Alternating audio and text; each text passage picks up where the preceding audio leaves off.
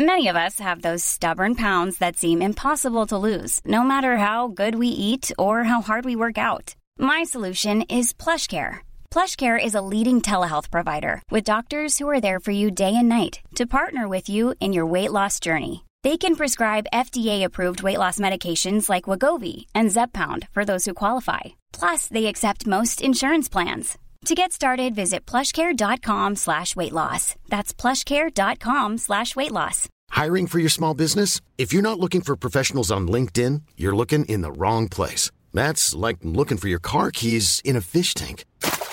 LinkedIn helps you hire professionals you can't find anywhere else, even those who aren't actively searching for a new job but might be open to the perfect role. In a given month, over 70% of LinkedIn users don't even visit other leading job sites. So start looking in the right place. With LinkedIn, you can hire professionals like a professional. Post your free job on linkedin.com slash people today. Millions of people have lost weight with personalized plans from Noom. Like Evan, who can't stand salads and still lost 50 pounds. Salads generally for most people are the easy button, right? For me, that wasn't an option. I never really was a salad guy. That's just not who I am. But Noom worked for me. Get your personalized plan today at Noom.com. Real Noom user compensated to provide their story.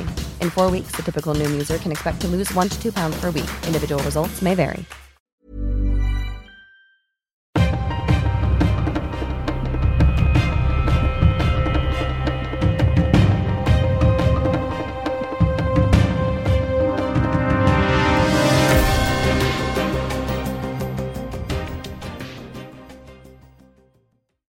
Så, då säger vi än en gång mycket varmt välkomna till ett nytt avsnitt av Dagens Juridikpodden. Idag med en eh, ganska annorlunda uppställning. Mig, William Eriksson, här som vanligt vid mixerbordet. Idag Erik Tagesson istället för Stefan Wahlberg, men också en gäst och det är verkligen inte vem som helst utan det är Diamant Salihu. Varmt välkommen.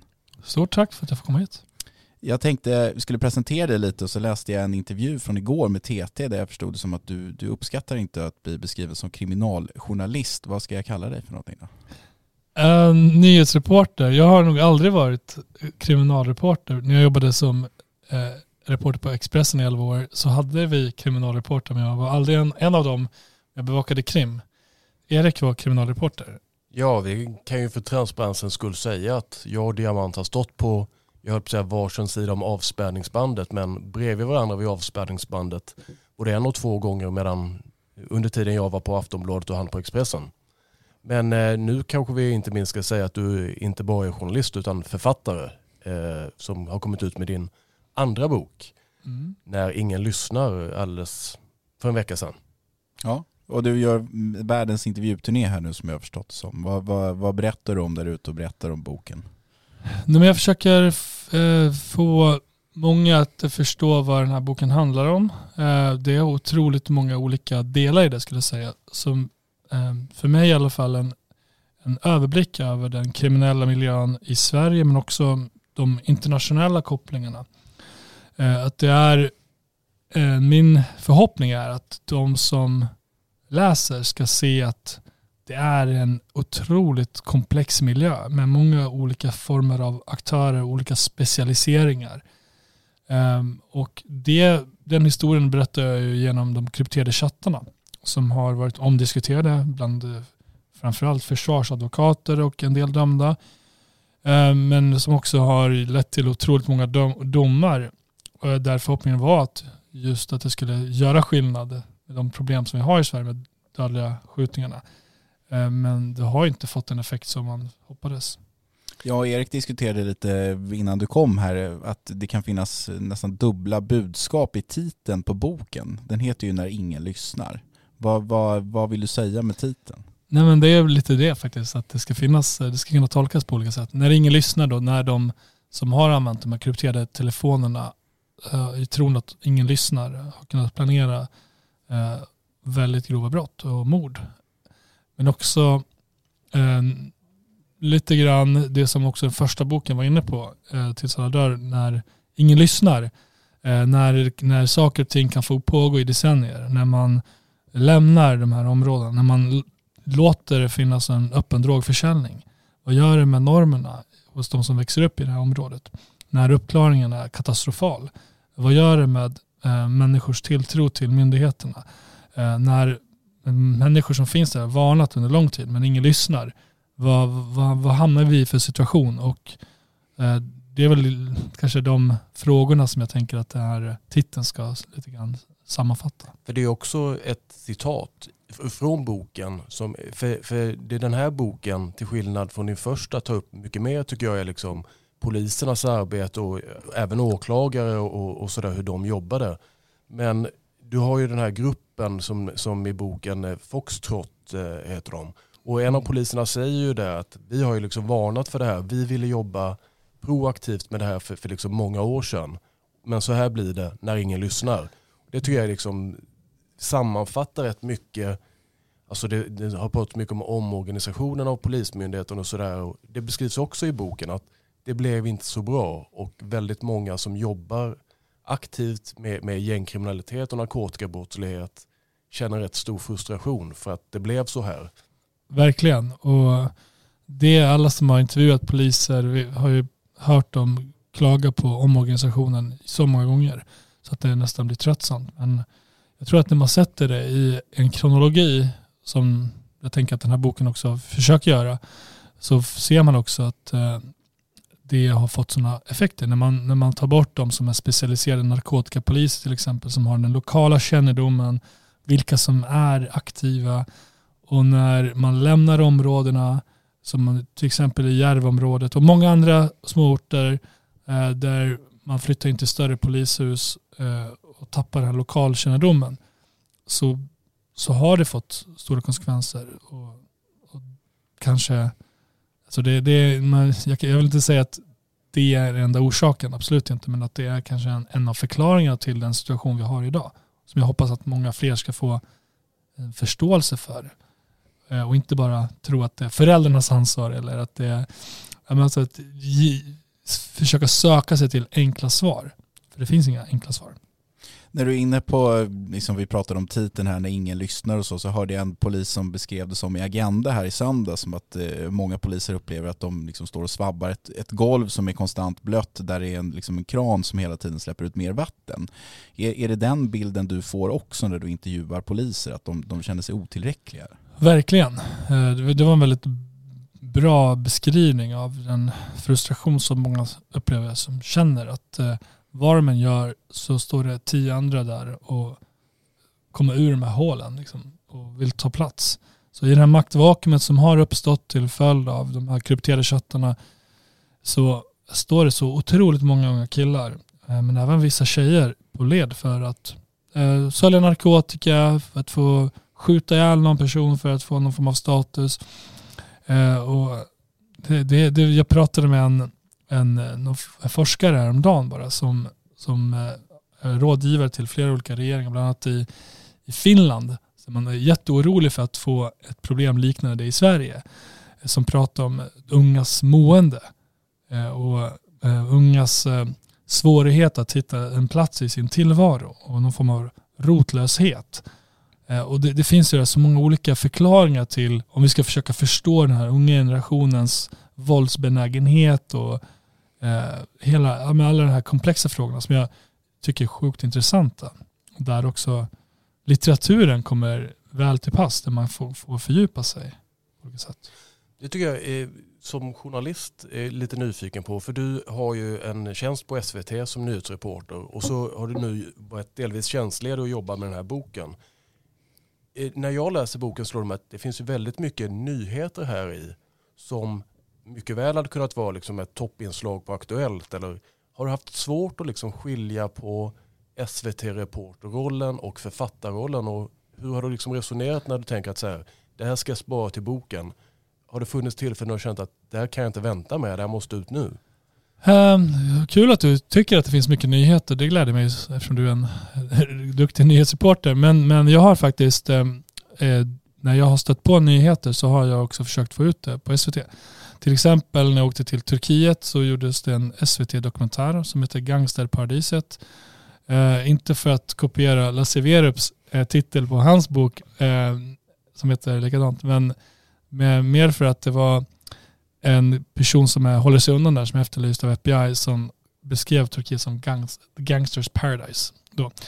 Eh, men, men jag har försökt få ut nyheter och speciellt eh, efter årsskiftet när det har hänt så otroligt mycket våldsdåd och sprängningar så har jag i våra chatttrådar med 170 personer eh, försökt dela med mig av nya uppgifter för att vi ska kunna vara först. Liksom. Till exempel att det fanns en koppling till just narkotikamarknaden i Sundsvall som faktiskt vi var först att berätta. Eh, häromdagen var, kunde jag sitta på en konferens i Norge, grävande journalister där och dricka öl och lyckas få uppgifter om att den här eh, 17, nu 17-åriga killen som är mis- är dömd för mordet på Delta Gym, att han hade blivit gripen så kunde jag sitta och göra det fast jag är ledig. Så att jag försöker liksom i den mån jag kan dela med mig av nyheter. Men sen kan du tycka att det är vissa nyheter och det, det är kul att höra. Men, men finns det några svårigheter med de som du intervjuar då? Eh, om de blir intervjuade av författaren Diamant Salihu eller om de blir intervjuade av nyhetsreportern? Alltså finns det no gör, gör, alltså en person som förekommer i boken, bland annat är Linda H. Staff, som naturligtvis har det varit väldigt turbulent kring. Eh, finns det någon distinktion där att du måste vara tydlig med att nu intervjuar jag dig för boken? Eh, så ingenting av det du säger kommer att hamna på nyheterna eller? Mm, men alltså så här, skulle det vara en jättestor nyhet så skulle jag ju oj, haja till direkt och bara det här kommer jag vilja göra ut nu. Och sen har jag gjort, när jag jobbat, gjort inslag eh, för SVT bland annat. När det var till exempel underrättelsemöte med representanter från delar, olika delar av eh, Europa framförallt tror jag det var. Eh, så gjorde jag en grej på det och att man skulle liksom så här eh, rikta sig mot high value targets och mot pengarna och tillgångarna. Och det gjorde jag en nyhet på för SVT. Men jag måste för, för att tillägga att eh, den sista intervjun som jag gjorde med Linda Hostaf var faktiskt innan den här historien eh, briserade om relationerna och allt det där. Så att ha, hade, det, hade jag haft inbokade intervjuer efter det eh, och så hade jag ju garanterat frågat om det också och i så fall tagit med det. Men jag också såklart försökt göra någonting för SVT. Det, det är också väldigt många av de här, alltså, som du skriver om, de gängkriminella som, som du pratar med. Eh, och som vi på Dagens Juridik berättade förut så var ju din bok, eh, den förra boken, alltså den mest utlånade på, på svenska anstalter. Tror du att det så att säga har öppnat dörren, den första boken har liksom öppnat dörren till att de vet lite vem du är och känner att du kanske tar tillvara deras berättelse. För den första boken gav ju alltså ett perspektiv till hur det är att leva som gängkriminell som kanske inte var så tydligt innan. Och att du därmed har fått ett förtroende att nu berätta, alltså Räven som är en central, central figur i boken, honom får du ju kontakt med och liksom har, och det är ju inte så vanligt att, att liksom misstänkta på rymmen eh, pratar med journalister. Nej, alltså jag tror definitivt att eh, boken har, jag vet att det har haft en betydelse för jag har ju fått det svaret från många som jag har haft kontakt med att ja, men jag har läst din bok, eh, jag har sett det i tv, eh, jag tycker du är bra och du förstår vad det handlar om och sådär. Så det gör ju, skapar ju ett förtroende. Eh, men sen, eh, sen är just bokformen faktiskt ett, ett, eh, någonting som också underlättar för framförallt de som är dömda eller efterlysta att, att vara med i en sån form där de kan anonymiseras väldigt mycket eh, och där det är lättare att prata bakgrundssamtal mot källskydd med personer för att försöka skildra det så, san, så sanningsenligt som det bara går. Eh, jag försökte ju också få till en tv-intervju med den kurdiska räven och det vill han absolut inte. Jag försökte också få en träff med eh, en av de som är misstänkt för mordet på Adriana som håller sig undan i Turkiet och det var han heller inte intresserad av. Men däremot så eh, hörde han av sig och gick med på att eh, svara på frågor för boken. Så det är någonting speciellt med den här formen när, när det också, det blir liksom, när en röst är en av många röster i en komplex berättelse. Och när man kan ge omständigheter som är jättesvåra att ge i ett två minuters inslag eller en artikel som ska ut fort eh, så jag tror att det, den kombinationen har gjort det lättare att få människor att prata. Men förtroendet är självklart jätteviktigt. Kan vi stanna lite vid eh, den kurdiska räven? För jag, jag, tycker, även om det kan kanske för dig kännas lite urtjatat, så, så tycker jag att det är en, en, viktig sak att stanna vid. För för mig så var det lite av ett paradigmskifte när SVT i Aktuellt började prata om en person och den personens alias, den kurdiska räven och så vidare och det var enkelt och så. Varför är den här personen en så central gestalt i liksom nyhetsrapporteringen och inom den grova organiserade brottsligheten just nu?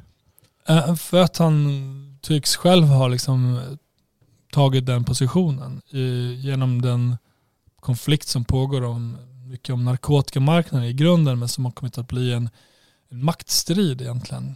Ehm, där då motståndet har varit mycket starkare än vad den sidan som han representerar förutsåg från början. Ehm, om det nu började med Sundsvalls marknad och man mötte på motstånd där och sen spred det sig till Stockholm och sen har det blivit många, många fler lager av grupperingar som har anslutit, som har egna konflikter med varandra men som har valt sida i det här.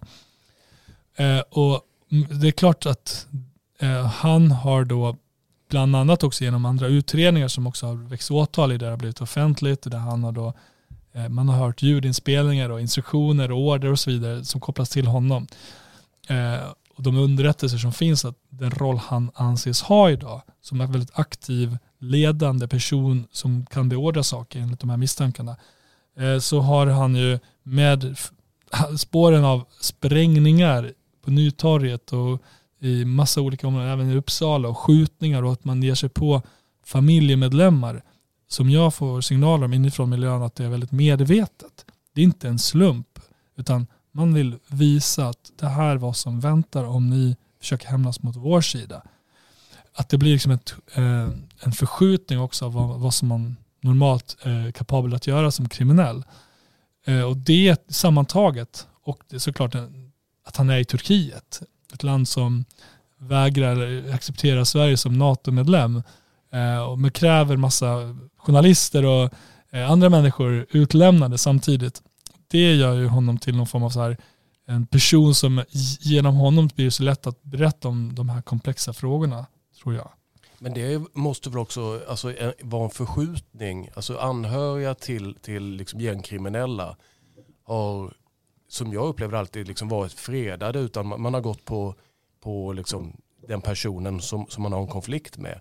Men det här börjar liksom närmast likna liksom sicilianska maffian, att man, man liksom hotar och använder våld mot, mot liksom, jag säga, kvinnor och barn eftersom att det ofta är det det handlar om och andra anhöriga. Men... Gör de det i sicilianska maffian? Är inte familjen liksom väldigt fredad om man, inte, om man är så kvinnor och barn? Jag ska inte svära på det utan jag hämtar kanske mina flesta referenser från Gudfadern-filmerna där, där man ju liksom ska, ska ta ut alla den här eh, högsta bossens söner eh, och misslyckas då med detta och sen blir han Don Corleone. Men det kanske är en eh, onödig referens. Ja men, jag, jag, men för att svara på frågan så är jag absolut en förskjutning och jag har haft kontakt med personer i den här miljön så, så beskrivs det av flera, ska jag tillägga, eh, att det är det finns ett hyckleri, en dubbelmoral även bland de kriminella som ena stunden tycker att det här är smutsigt men som i nästa ändå gör det eh, fast de vet att det är otroligt fel och att det också gör att deras egna närstående blir måltavlor i det här. Eh, och det, det, det, är, det är flera äldre kriminella som, som tycker att det här är över gränsen och jag har också fått sådana signaler från personer i den här miljön att det här gör också att eh, andra som också är ganska mäktiga i den här, som har mycket inflytande bland kriminella, eh, som kanske inte är de vi läser om framförallt, att de också tar ställning i det här. För de vill inte ha en ny trend där det blir eh, legitimt att skjuta ihjäl någons familjemedlemmar. För många är ju utomlands eh, och vet att deras barn kan gå i skolan här, att deras partners kan jobba som vanligt och slipper massa problem med både myndigheter och med, med kriminella. Eh, och, och de kan inte försvara sina föräldrar och sina partners om de är i Turkiet eller i Spanien eller i Mexiko. Eh, så frågan är vad det här kommer, vad det kommer leda till mot de personerna som ju är drivande i de här gränsförskjutningarna. Eh, och det, det signaler jag får är att de inte alls eh, har det så säkert just nu och framåt. På, på lite på samma ämne så eh, i boken beskriver de när liksom Encro knäcks och eh, fransk polis börjar läsa det här och det, man delar även då med sig till, till eh, holländsk polis och sedermera svensk polis. Så skriver du att man kan konstatera att Sverige sticker ut i liksom det våldskapital som finns och liksom brutaliteten i det man skriver. Varför, eller hur uppfattar du att, vad, vad uppfattar du att det beror på att Sverige är våldsammare än, än andra länders gängkriminella? Ja, eh, men, eh, många olika orsaker men eh, det jag landat i efter också att ha pratat med kollegor bland annat och poliser i andra länder är att eh, vi har inte samma organisering i den kriminella miljön, speciellt inte de som är drivande i det här våldet. Eh, eh, där, alltså I Tyskland så är det olika maffior och klaner som kontrollerar städer och narkotikaförsäljningen. Och eh, man håller då eventuellt unga våldsbenägna killar i schack. För man kan inte göra samma karriär snabbt genom att mörda någon. För det är dåligt för affärerna. Det, de är intresserade av att tjäna pengar till sina släkter och till sina organisationer. Eh, som en förklaring. Eh, men i Sverige så har vi inte haft de strukturerna. Jag tror att den här miljön är ganska ny jämfört med då italienska maffian som har funnits i många, många generationer och fått etablera sig och, och som kanske bara hålls inom släkten och man håller utomstående utanför för att det inte ska uppstå läckage. Eh, och sen har de här chattarna då dessutom gjort att hundratals har blivit dömda till långa straff. Och det har då tagit bort de som kanske var lite mer strukturerade i, i de här lagen av våld. Och när inte ens de är kvar så är det barn som leder andra barn.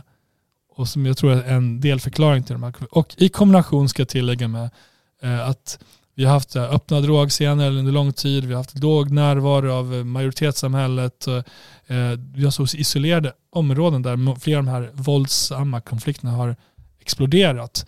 Och eh, vi har haft usel avskräckning i form av poliser som har funnits lokalt närvarande, alltså man har inte funnits där, men också att eh, uppklarning är så låg på 20-25 procent. Eh, vad, vad, vad gör det med normerna i de här miljöerna? moralen, att den blir då förvriden eh, och gör att till slut, alltså på samma sätt som man ansluter till Islamiska staten tror jag man kan jämföra med, att man från ena dagen till den andra i en helt annan kontext måste vara beredd på helt andra vidrigheter eh, runt sig.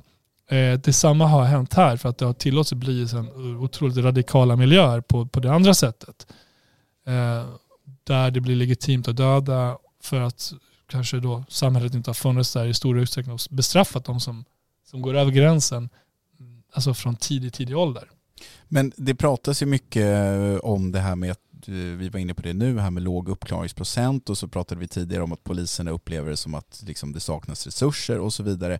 Men när du pratar med poliser, upplever du att det finns någon form av liksom, eh, självrannsakan eller liksom, har de utvärderat sitt eget agerande på något sätt? För det måste ju finnas saker som de också kan bli bättre på som inte bara handlar om resurstillskott, för pengar har de ju. Ja det har de ju verkligen. Eh, så det, det som de jag pratar med ständigt återkommer till det är ju eh, också så här, organisationen, att den har brister. Eh, att eh, eh, man har inte specialiseringar som behövs. Att man inte i tillräckligt stor utsträckning har eh, utökat eh, personal som ska hantera de ökade antal mordutredningar som tillkommer. Om det är vissa specifika områden som är jättehårt drabbade så är det en viss grupp utredare som ska hantera dem. Och sen har man behövt ta till andra personer som inte är specialiserade, som kanske inte har rätt typ av kompetens. Eh, som, alltså tillsammans de här sakerna eh, tycks uppenbarligen ha haft någon, någon effekt på att eh, det har inte lyckats riktigt.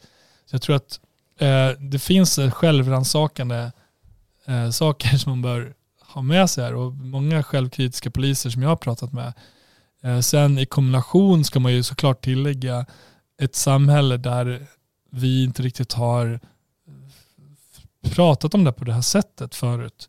För det, det har varit så här, de som har kanske varit högljudda röster som har pekat på att vi inte har en bra integration har lätt kunnat stämplas som någon form av aktivister eller rasister. Eh, eh, eh, snarare rasister. För att de lyfter det som människor tycker är relevant som själva bor i de här områdena. Eh, så jag tror att det finns eh, Eh, vi är liksom inte riktigt där idag, tycker jag. Eh, för jag, jag, eh, jag upplever ändå att det finns väldigt olika eh, bilder av vad som är problem beroende på vilken yrkesgrupp man pratar med. Tror du man kan hitta uppslag till politiska lösningar i de röster som du träffar eller intervjuar till exempel inifrån eh, som personer som ingår i de kriminella nätverken och sådär. Om man skulle lyssna på dem, finns det politiska lösningar att, att, att hämta där? Um, jag tror att det är svårt att så här, ska de få diktera hur vi ska lösa de här problemen. Jag tror säkert att eh, till exempel att, uh, men det är väl det jag någonstans vill bidra med, att ändå lyssna på vad de har att säga. Uh, har de något vettigt att säga? Eh, hur, alltså, bara så att man kanske kan dra bättre slutsatser. Eh, också vad det här egentligen handlar om. Eh, det tror jag kanske kan leda till olika förslag på åtgärder. Eh, kan, vi ha, kan vi ha den här situationen som vi har idag? Nej. Kan vi ha den här, de här otroligt isolerade områdena som vi har idag? Nej. Vad, vad gör vi liksom med de här barnen som utnyttjas gång på gång och som kan rymma? Eh, och som släpps efter två, tre års sluten ungdomsvård, är de redo att återvända till vårt samhälle? Eh, är de, är de rehabiliterade? Jag tror att det finns många sådana frågor i boken eh, och jag hoppas att många sådana frågor ska leda till någon form av åtgärder i olika former. Hur, om man eh, tänker på rapporteringen då, du ska inte behöva vara här och liksom stå till svars för, för SVT på något sätt, men jag tänker att är vi dåliga journalister överlag att på att rapportera om vad som händer i de här utsatta områdena? Eller liksom krävs det att det börjar hända saker som sprängningar inne i stan eller andra saker som, som kommer närmare de som inte drabbas av det här till vardags för att folk ska börja lyssna och, och, och ta till sig vad som händer i de utsatta områdena till exempel? Uh, ja, det tror jag. Uh, det är först när någonting kommer nära en som man börjar bry sig. Det är som med eh, liksom alla världens konflikter, att närhetsprincipen. min upplevelse. Eh, det, jag tror att den segregation vi har, boendesegregation, skolsegregationen och att vi lever så åtskilda från varandra och när problemen har varit koncentrerade till de här då, områdena som är utanför majoritetssamhället så har det varit lättare, uppfattar det som, att inte riktigt bry sig. Eh, att inte ta det på tillräckligt stort allvar. Det har också blivit, varit lättare de som har försökt kliva in och engagera sig att stämpla deras förslag som någon form av rasistiska inspel. När det egentligen bara handlar om att man, många gånger att man faktiskt också vill göra skillnad. Att det blir sån, det, det, vi har haft en sån, eh, ett klimat i Sverige under för alldeles för lång tid där det har varit en höger-vänster-fråga om man ska förenkla det. Eh, där man inte ens kan enas om att äh, människor har rätt till en trygg uppväxt. Barn har rätt till en trygg uppväxt som bör ligga i mångas intresse. Jag var på ett föräldramöte häromdagen bara i Järva och, och jag hörde också äh, en del politiker som var där och pratade. Och jag, jag, alltså retoriken är fortfarande vi och dem. Och det stör mig så fruktansvärt. Eh, och det jag försökte säga till de som var där att eh, ni måste ha klart för er, det är inte, det är inte så här, ni är så, vi är 99,9 procent. Vi står på samma sida och vi vill ha det tryggt. Och sen är det en liten klick som vill orsaka kaos. Och ni som bor här måste förstå att väldigt många andra föreningar och organisationer och svenskar från alltså, Sverigedemokrater till Socialdemokrater och så vidare eh, vill ha det tryggt. Så vi är på samma sida. Men det är så många som eh, har suttit i någon form av skyttegravar och, och barrikaderat sig ännu mer och som inte ser helheten. Och det är någonstans där jag vill hoppas att den här typen av journalistik kan bidra med att eh, i det här vakuumet av där vi inte ens har vågat prata om de här sakerna på ett transparent sätt eh, kan få fram eh, en liten så här nyanserad bild av verkligheten som alla kan se på en skärm eller i litteraturen och oavsett vilken skyttegrav man har positionerat sig i och, och sen utifrån det faktiskt ta kliv framåt enade oavsett vilken religiös åskådning vi har eller politisk eh, parti man tillhör. Men är det inte uppenbart att det finns väldigt många alltså politiska eller liksom röstsedlar att hämta då i de här områdena? För man tittar på valdeltagandet, det är extremt lågt. Många av dem röstar inte. Borde det inte finnas en större politisk vilja att, att säga, attrahera människor som bor i, i utsatta områden? Eh, det borde självklart finnas. Eh, och vissa partier har ju insett det. Och det är sorgligt att höra och se när en del av kampanjandet blir vi och dem, vi och dem, vi och dem, vi och dem. Eh, vad kommer det göra för skillnad för människor? Om man, om man då förstärker bilden av att eh, världen vill att du ska leva så här. Eh, du kommer inte kunna få en chans att komma in på arbetsmarknaden. Alltså det finns problem med rasism och en usel mångfald i många, många, många företag, inklusive mediebranschen, som är problem att diskutera. Men jag tror att när det kommer till själva trygghetsfrågan så uppfattar i alla fall jag det som att många är ganska enade egentligen. Men att den enigheten inte riktigt kommer till uttryck i politiken någonstans för att det blir sådana splittringar för ingen kan hålla med någon annan. Eh, eh varför då? hur kan, inte, hur kan det inte vara så lätt egentligen att enas kring en fråga om att vi ska göra någonting åt det här. Eh, och komma med så här, här har vi tio förslag där vi alla i riksdagen är eniga om att vi ska vidta. Eh, är det att vriva bostadsområden för att eh, skapa bättre blandning? Är det att eh, öka mångfalden i vissa skolor? Är det att stötta specifika familjer som behöver extra mycket stöd där man vet att det finns tydliga riskfaktorer. Alltså konkretisering, det är det som jag, man blir alltså jag lite frustrerad för nu har jag pratat om det så många gånger och jag pratar med så många olika yrkesgrupper om det här och många vill samma sak. Men, men varför ser man inte riktigt det? Men det, det, är väl också så naturligtvis att det här problemen har vuxit fram under väldigt, väldigt lång tid och blivit värre och värre och nu har vi liksom en kulmen.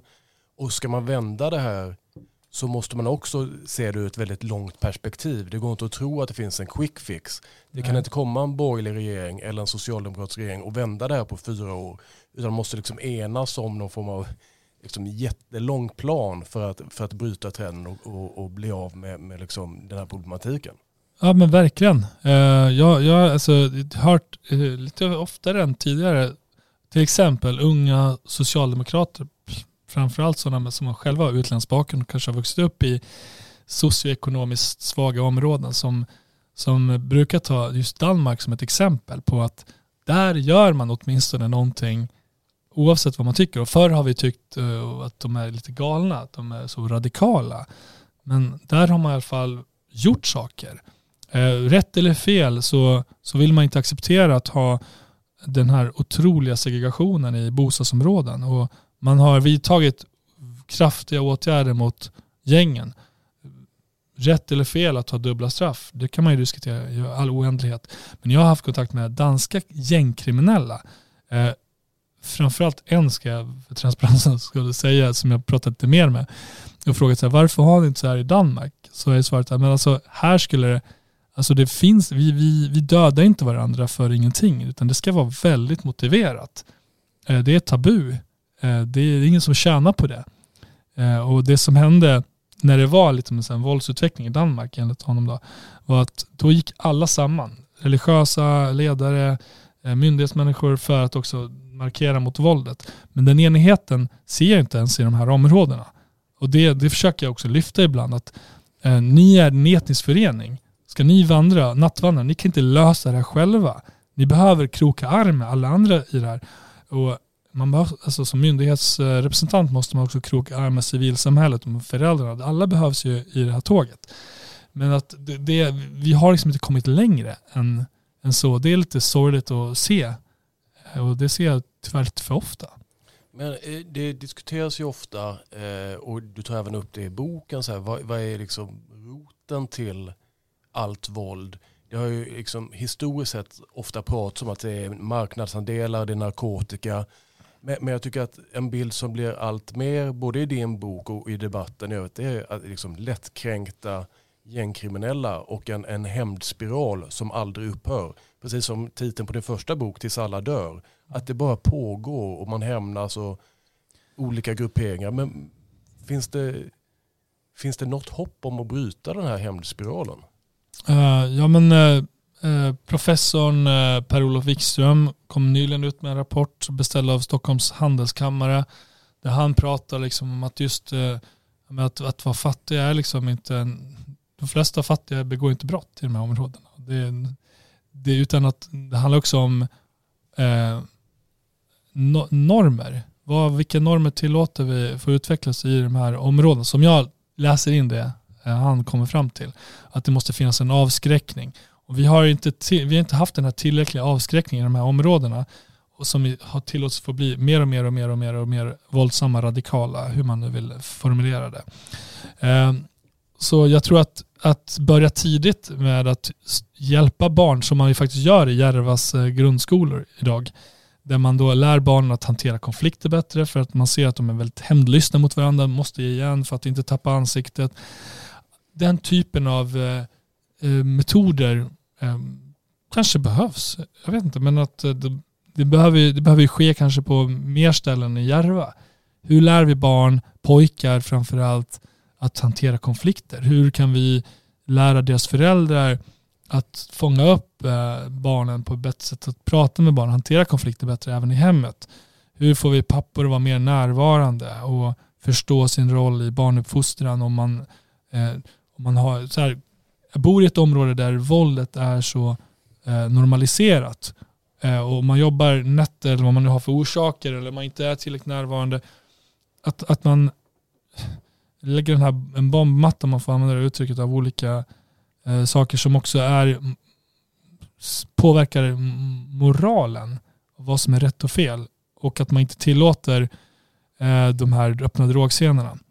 Eh, jag vet inte om något av det har varit logiskt av det jag sa nu men, men jag, jag tror att eh, det går såklart att göra saker och eh, vi är ett litet ett pytteland med, en, med ett problem.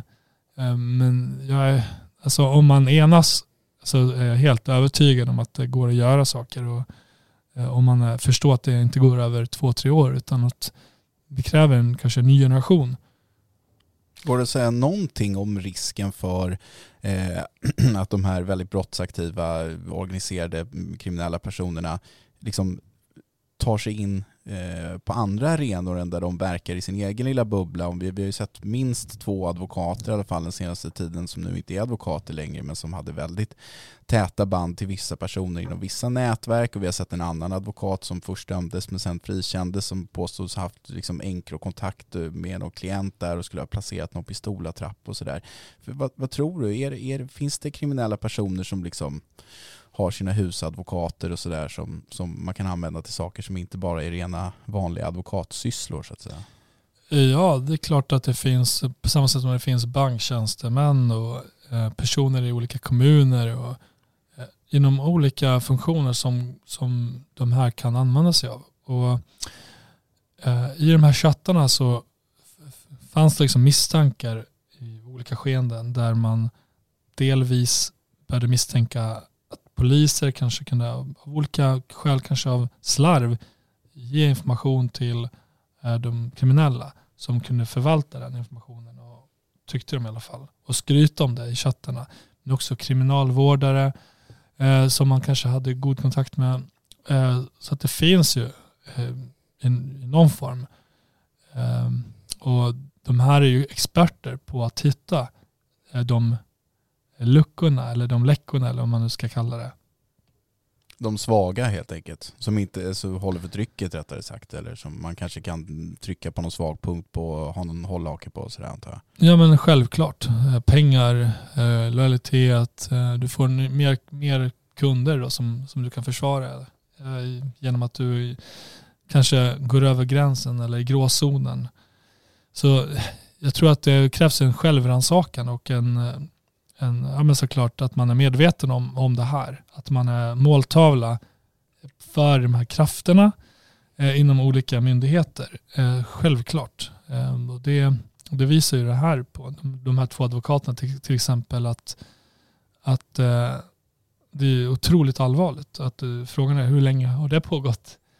Och nu är vi inne i april 2023. Det du berättar om ligger i och för sig ganska nära i tiden, men om vi också tar med din tidigare bok så, så pratar vi om ganska många år.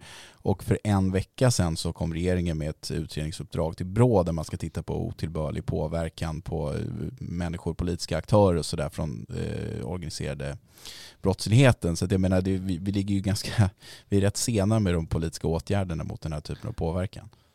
Ja, precis. Ehm, men eh, nu finns i alla fall en medvetenhet och så får vi se vad det här kommer kunna göra framåt. Men jag tycker att, jag tror att just de här två advokaterna, det exemplet har väl förhoppningsvis varit en väckarklocka för de andra advokaterna som vi inte har hört talas om, som kanske har rört sig i gråzonen.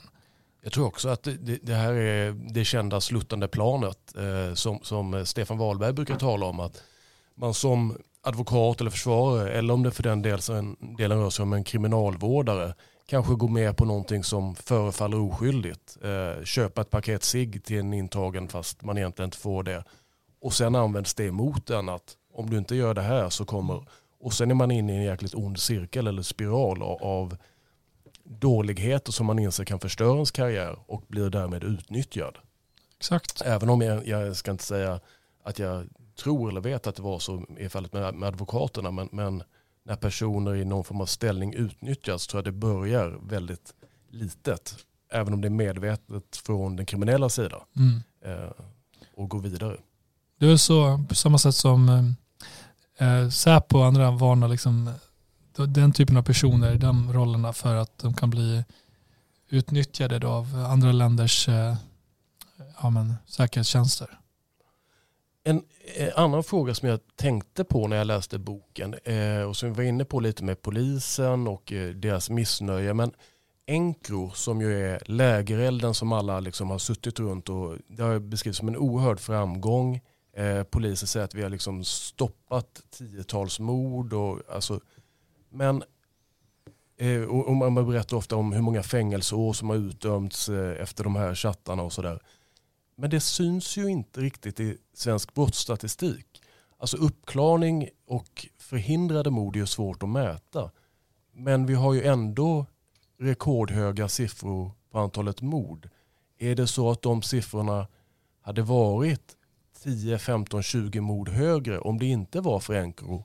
Eller överdriver polisen Encros betydelse för brottsuppklarningen? Mm, alltså jag själv eh, känner till flera fall där polisen har varnat personer som då eh, man har sett att det finns mordplaner mot. Och eh, i ett enda fall har jag sett att en person har tagit emot den hjälpen och det var en kille i Ängelholm som var på ett hotell med sina fyra barn och sin fru.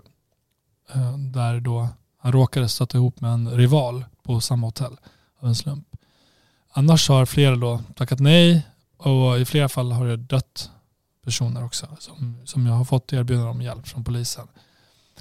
Ehm, jag tror att hur många fler hade, det går inte att säga riktigt. Ehm, och det här är flytande för att ja, men hade man kunnat rädda någon lite tidigare eh, eller lite senare. Hade han dött tidigare om han inte hade fått en varning eh, men vägrade ta emot den i ett tidigare skede och sen dog han ändå. Eh, så några hade kanske ändå blivit nej, offer. ja, men det är precis det jag menar. Att liksom, mm. Om man ser på mordkurvan så, så håller den en rätt, rätt jämn takt eh, uppåt. Ligger på, liksom, nu vet jag inte vad senaste siffran är, men runt 110 fall om året. Eh, ökar lite för varje år. Men det syns ju ingen dipp efter Encro. Nej, nej, och när jag har pratat med både poliser och kriminella så har de förklarat kaoset med att, ja men titta, Eh, de, de skryter om framgångarna, så säger bland kriminella. Men eh, nu, nu är det massa ungar ute som, som hämnas för det som står i chattarna och eh, tar till sig skvallret, de är lättkränkta och jada jada jada. jada. Eh, och det är som en förklaring till vad som händer ute. Eh, hade det varit färre dödsskjutningar om de hade varit ute och haft lite, lite schack på sina ungar som de säger, kanske det. Det påstår i alla fall eh, Berno Kori ska jag säga, eh, som sitter på Kumla på livstid, eh, som säger då och är då utpekad ledare för Södertälje-nätverket. Att eh, hans advokater brukar skoja med honom och säga att eh, om han hade varit ute i Södertälje så hade han kunnat få till en fred väldigt snabbt och att det blir lugnt. Man hade ju sju dödsskjutningar eh, i Södertälje förra året. Så man har, flera av de här har en bild av att de skulle kunna mäkla och, och skapa någon form av lugn tillvaro. De äldre erfarna liksom. Med, med mm. ja. Exakt. Du Diamant, tiden springer lite grann här. Jag tänkte som en avslutning bara, vad, vad ser du eh, i framtiden här? Vad, vad, om du får titta lite i spåkulan, liksom, kommer skjutvapenvåldet fortsätta ligga på den nivån det ligger idag? Kommer vi se att det lugnar ner sig? Kommer vi se politiska åtgärder? Vad, vad ser du framför dig? Eh, jag tänker att det kommer väl fortsätta vara lite kaotiskt ett tag till. Eh, sen kommer ju en del ledare ut inom kort och det kanske skapar ännu mer konfliktytor. Eller så blir det lite lugnare lite stabilare. Ehm, eh, risken finns ju för mer organisering. Att det blir några grupperingar som går samman på grund av de här konflikterna och att det i så fall leder till att det blir lugnare men att de då tar över mer narkotikamarknad i bland annat Stockholm. Men att det skapar såklart helt andra problem på sikt. Ehm, eh, så jag, jag är lite rädd för att det kommer vara ehm, oroligt ett tag till men att det kanske blir lugnare om några år när, när de här maktstrukturerna eh, sätts på plats så att säga. Ehm, man kan ju hoppas att det kommer till liksom förslag på åtgärder som inte bara handlar om hårdare straff eh, utan mer så här hur som samhälle, hur enas vi kring de här frågorna och hur gör vi för att det ska sluta liksom så här, köa upp tusen till eh, barn Eh, för att ta över plats så fort vi griper någon av de här ledarna. Men det låter på dig som, som att det, här, det som kommer hända den närmsta tiden, det ligger liksom utom vår eller politikernas kontroll. Det är bara beroende av omständigheter som vilka som kommer ut från anstalt. Och, alltså det, det, det, liksom, det är inget man kan påverka. Eh, så vill jag inte säga. Man kan påverka um, om, om man är vaken. Om, man, om alla i vårt samhälle känner ett ansvar om föräldrar också känner ett ansvar och förstår att de också kan göra skillnad. Uh, och socialtjänst och skola och polis och alla, alla, alla de här olika aktörerna. Uh, det är, det är liksom så jäkla lätt idag att skjuta ansvaret på någon annan och säga men de gör inte tillräckligt, samhället gör inte tillräckligt, skolan är inte tillräckligt. Um, och det är det kollektiva ansvaret här som måste återupprättas på något sätt där alla eh, tar sitt jobb på största allvar och förstår att de kan göra skillnad. Och Eh, eh och det, det, det tror jag liksom eh, man måste börjat med igår redan eller för flera år sedan. Och inte tro att eh, nej men, vi har det lugnt just nu här i vår kommun. För det kan komma till er kommun också. Ett kollektivt ansvar alltså. Stort tack Diamant Salihu för att du gästade oss i Dagens Juridikpodden. Om man vill köpa din bok, var hittar man den? I närmaste bokhandel eller på de här olika boksajterna. Så man inte får göra reklam för dem och jobba på SVT? Nej. Bra, då kan vi göra det. Man, får köpa, man kan köpa den på Bokus eller Akademibokhandeln eller vad man nu än vill köpa den. När ingen lyssnar heter den, köp den och läs den, den är bra. Stort tack för att ni har lyssnat, vi hörs snart igen. Hej!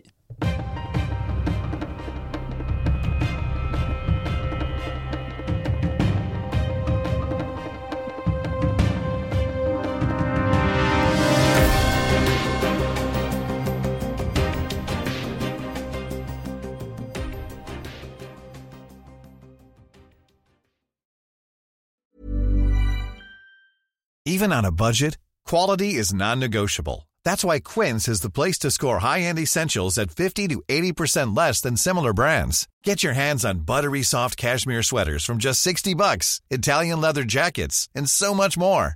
And the best part about Quince, they exclusively partner with factories committed to safe, ethical, and responsible manufacturing. Elevate your style without the elevated price tag with Quince. Go to quince.com slash upgrade for free shipping and 365-day returns. Hi, I'm Daniel, founder of Pretty Litter. Did you know cats tend to hide symptoms of sickness and pain? I learned this the hard way after losing my cat, Gingy. So I created Pretty Litter, a health monitoring litter that helps detect early signs of illness by changing colors, saving you money and potentially your cat's life. Pretty Litter is veterinarian developed, and it's the easiest way to keep tabs on your fur baby's health right at home. Go to prettylitter.com and use code ACAST for 20% off your first order and a free cat toy. Terms and conditions apply. See site for details.